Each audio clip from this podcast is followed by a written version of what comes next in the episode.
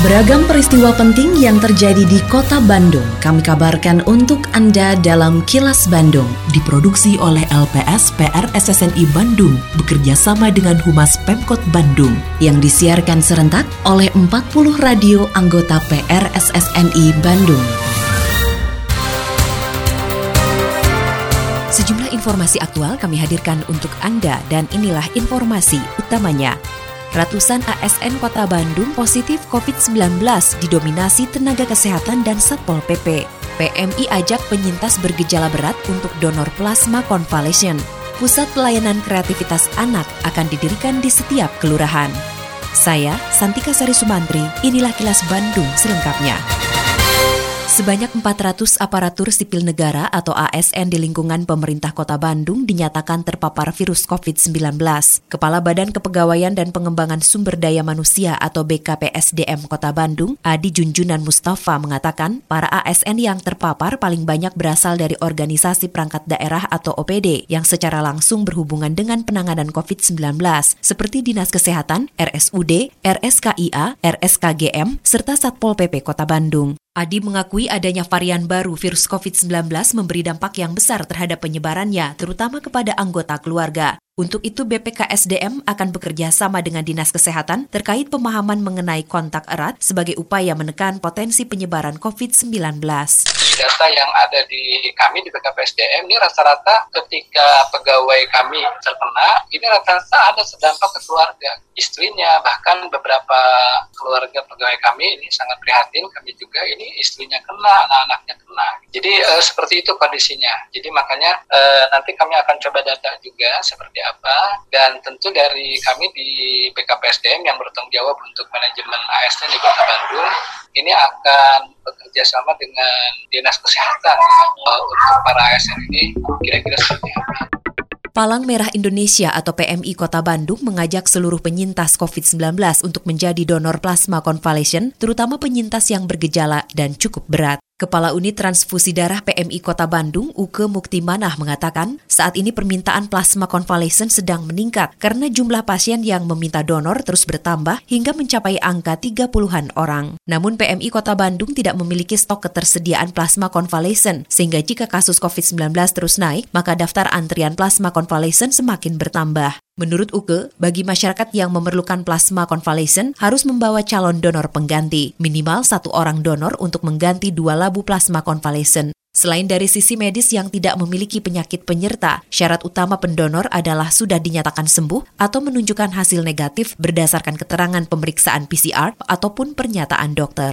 Permintaan yang masuk kita setiap hari sekitar 30. Darah yang sudah kan ada daftarnya, ada yang sudah diberikan, ada yang belum. Nah, ini tadi data-data yang seperti itu. Jadi antrian kita memang banyak karena pengelolaan manajemen kita itu membagi seluruh dulu satu, satu-satu kepada seluruh pasien yang bisa kita penuhi. Nah nanti berikutnya karena terapi untuk plasma konvalesen tidak satu hari dua labu, misalnya ada permintaan dua labu, kita berikan satu labu hari ini, satu hari labu hari eh, satu labu hari berikutnya, karena kita sambil menunggu pendonor dari yang Dinas Arsip dan Perpustakaan Kota Bandung sedang melakukan pengawasan internal tentang kearsipan di seluruh organisasi perangkat daerah atau OPD di lingkungan pemerintah Kota Bandung. Kepala Bidang Pembinaan dan Pengawasan Kearsipan Dinas Arsip dan Perpustakaan Kota Bandung, Dina Nestiana mengatakan, dalam beberapa tahun terakhir, nilai pengelolaan arsip OPD Kota Bandung masih kurang perlu ditingkatkan kinerjanya. Sejumlah prasyarat nilai baiknya kearsipan adalah adanya sarana dan sarana penunjang, di antaranya tenaga arsiparis dan ruang arsip. Pengawasan kearsipan internal untuk ke seluruh OPD, 60 OPD yang ada di Kota Bandung, itu kita akan mengadakan pengawasan internal, bagaimana mereka melaksanakan tata kelola arsip yang sesuai dengan peraturan perundang-undangan. Kemudian ada juga pengawasan kearsipan eksternal, itu adalah pengelolaan arsip penilaian dari Arsip Nasional melalui Dinas Perpustakaan dan Kearsipan Provinsi kepada Dinas Arsip. Itu ada bobot penilaiannya untuk 40% internal, 60% itu adalah eksternal. Yang nanti itu akan menjadikan potret dari nilai tata kelola kearsipan yang ada di Kota Bandung. Pusat Pelayanan Kreativitas Anak akan didirikan di setiap kelurahan di Kota Bandung. Kepala Dinas Pemberdayaan Perempuan dan Perlindungan Anak atau DP3A Kota Bandung, Rita Verita mengatakan, pendirian Pusat Pelayanan Kreativitas Anak di kelurahan akan dilakukan bertahap mulai tahun 2021 ini. Menurut Rita, pembentukan Pusat Pelayanan Kreativitas Anak tersebut dalam rangka pemenuhan kriteria Kota Bandung sebagai kota layak anak. Kalau kami mungkin tahun 2021 ini ingin membentuk pusat pelayanan kreativitas aktivitas anak di kelurahan. Walaupun kami mencicil tidak langsung semua kelurahan, tapi kami mencicil setiap tahunnya. Setidaknya di setiap kelurahan itu mempunyai pusat pelayanan kreativitas anak. Dan kami juga membentuk PATBM yaitu perlindungan anak terpadu berbasis masyarakat. Tentunya kami mengajak masyarakat untuk sama-sama bergerak ataupun melindungi terhadap anak-anak yang ada di Kota Bandung ini. Assalamualaikum warahmatullahi wabarakatuh. Sampurasun, warga kota Bandung yang saya hormati dan saya cintai. Saya Tono Rusdiantono, Kepala Dinas Sosial Kota Bandung menghimbau kepada seluruh warga kota Bandung Para wisatawan dan para pengguna jalan Untuk tidak memberikan uang atau sedekah kepada pemerlu pelayanan sejahteraan sosial atau PPKS Di antaranya anak jalanan, gelandangan, dan pengemis Karena mengganggu ketertiban umum dan kelancaran arus lalu lintas. Selain itu, saya juga meminta kepada seluruh seluruh warga kota Bandung untuk tidak menggalang dana atau meminta sumbangan di tengah jalan dengan dalih apa pun. Terlebih kegiatan itu tanpa mengantongi izin resmi dari Dinas Sosial Kota Bandung. Apabila Anda menemukan adanya PPKS maupun penggalangan dana, diminta partisipasinya untuk melaporkan hal tersebut kepada Dinas Sosial Kota Bandung. Salurkan donasi Anda hanya melalui lembaga resmi. Wassalamualaikum warahmatullahi wabarakatuh. Persatuan Radio Siaran Swasta Nasional Indonesia atau PRSSNI Bandung kembali kehilangan dengan berpulangnya mantan Direktur Radio Garuda Bandung, Dian Budianingsih, yang meninggal dunia di Bandung pada Rabu malam. Almarhumah meninggal dunia pada usia 54 tahun, meninggalkan seorang suami dan tiga orang anak. Dalam kiprahnya di kepengurusan organisasi PR SSNI Bandung, almarhumah Dian Budianingsih sempat menjabat sebagai bendahara PR SSNI Bandung periode tahun 2015-2020.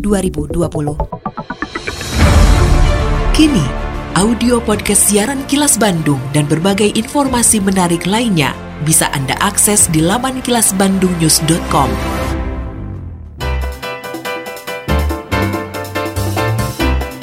Berikut sejumlah agenda kerja para pejabat Pemkot Bandung Rabu 30 Juni 2021.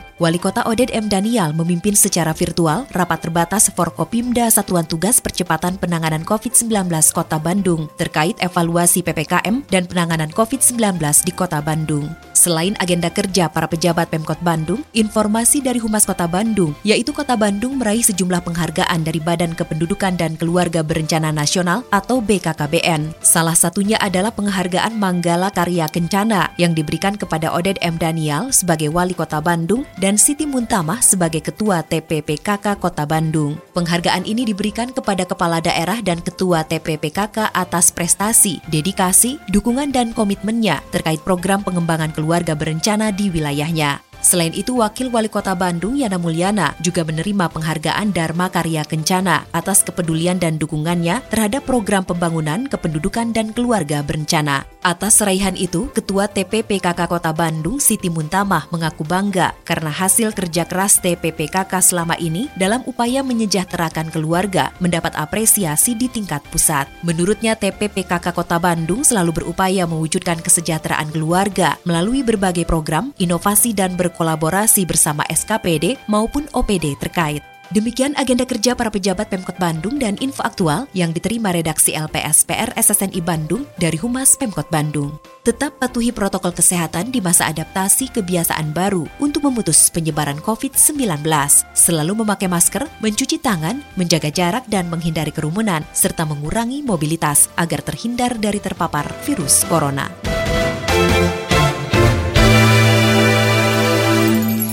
Terima kasih Anda telah menyimak Kilas Bandung bekerja sama dengan Humas Pemerintah Kota Bandung yang diproduksi oleh LPSPR SSNI Bandung.